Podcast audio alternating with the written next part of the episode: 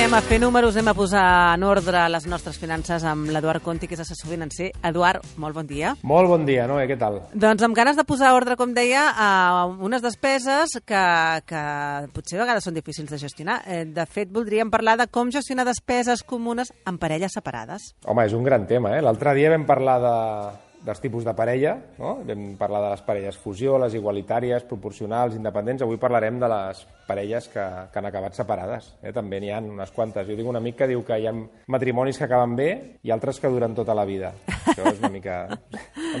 una mena d'acudit, eh? Però, vaja, no, vull, no vull fer aquí tampoc una apologia eh? de la separació. És cert que cada vegada hi ha més gent separada i, per tant, això pot ser un problema, gestionar aquestes despeses I tant, comunes. I tant, totalment. A més a més, hauríem de començar no? dient quines són les despeses comunes Ah, no? després d'una separació. Definim-les. Les més habituals, que tots podem tenir al cap, els matrimonis, parelles que tenen fills, doncs serien primer els fills davant de tot, després en alguns casos ha també unes propietat, una propietat, no? una vivenda o, més d'una vivenda en propietat que també són compartides i que provenen de la relació. A vegades pot haver-hi altres coses, per, per mi són ja molt més secundàries, no? com per exemple un cotxe.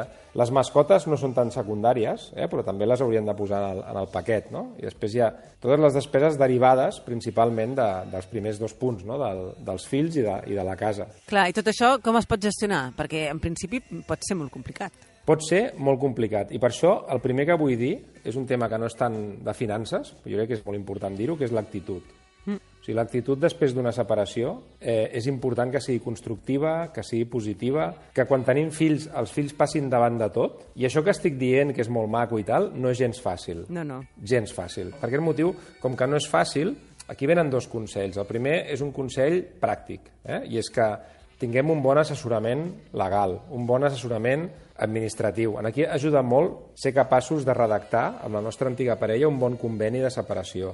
A part d'aquest consell més pràctic, un altre mm, consell o recomanació més de caire emocional, i és que, com que tot això no és fàcil, si cal, fem teràpia. No? Aleshores, feta aquesta introducció més sobre l'actitud, que per mi és bàsic, des d'un punt de vista d'enfocament general, hi hauria un enfocament eh, més igualitari, que seria, doncs, fem-ho tot a mitges. No? Un altre més proporcional, que igual que parlam de la parella proporcional, aquí la, la proporcionalitat dependria dels ingressos que tingui cadascú, perquè segurament no són els mateixos. Després és important també qui té la custòdia dels fills quan hi ha fills. Això també modifica aquesta proporcionalitat. I finalment també, per exemple, qui viu a la vivenda. Si hi havia una vivenda comuna, qui és que s'ha quedat vivint? Això també també és un condicionant important. No? Llavors, la pregunta d'aquesta, com es pot gestionar? Doncs, primer, actitud i després un enfoc general que vagi condicionat amb les circumstàncies. No? I amb els fills com es pot fer? Els fills és, com he dit, és el punt número 1. O sigui, hi ha gent que a vegades eh, se'ns veu el lleutó, no? perquè tots no ens estimem molt els fills, però a vegades el primer que es fa és pensar en els diners. Sí, dius, bueno, eh, parem, parem motors. No?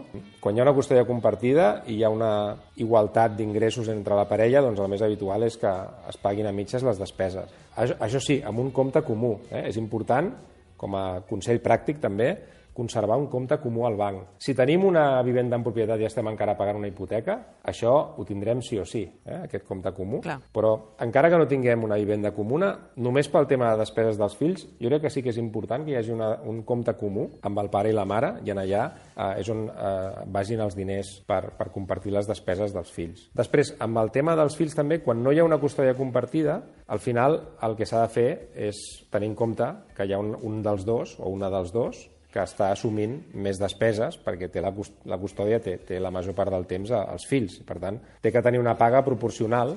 Aquí, en aquest cas, no, no podríem anar a un esquema igualitari. Eh? Uh -huh.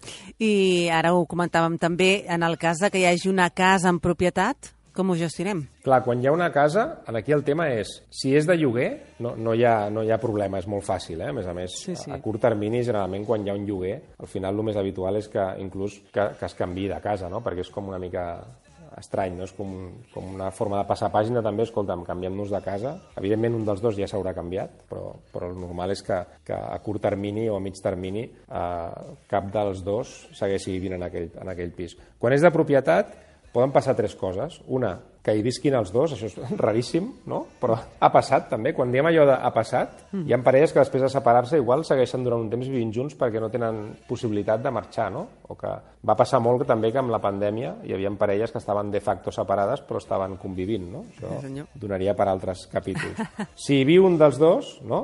Eh, doncs, doncs això també és, és una possibilitat. I després hi ha l'altra, que és que no hi visqui cap dels dos. No? Quan no, hi viu, no viu cap dels dos, tens l'opció de posar-la a llogar, llavors en aquest cas eh, el que obtinguis d'ingressos, si és una vivenda de propietat, doncs es repartiria entre, entre tots dos, podria anar precisament a finançar aquest fons comú i després també pot passar que la posem en venda. Quan hi ha una vivenda comuna dels dos, que formaven la parella, doncs també una, una sortida molt freqüent a mig i llarg termini és que s'acabi posant en venda. Això ja saps que és més lent, -hmm. però això també passa, passa I, molt. No? I moltes vegades és també una manera de passar pàgina amb una etapa, no? També, sí, perquè al final la casa no deixa de ser com una mena de, de record constant no? de, de, de la relació anterior.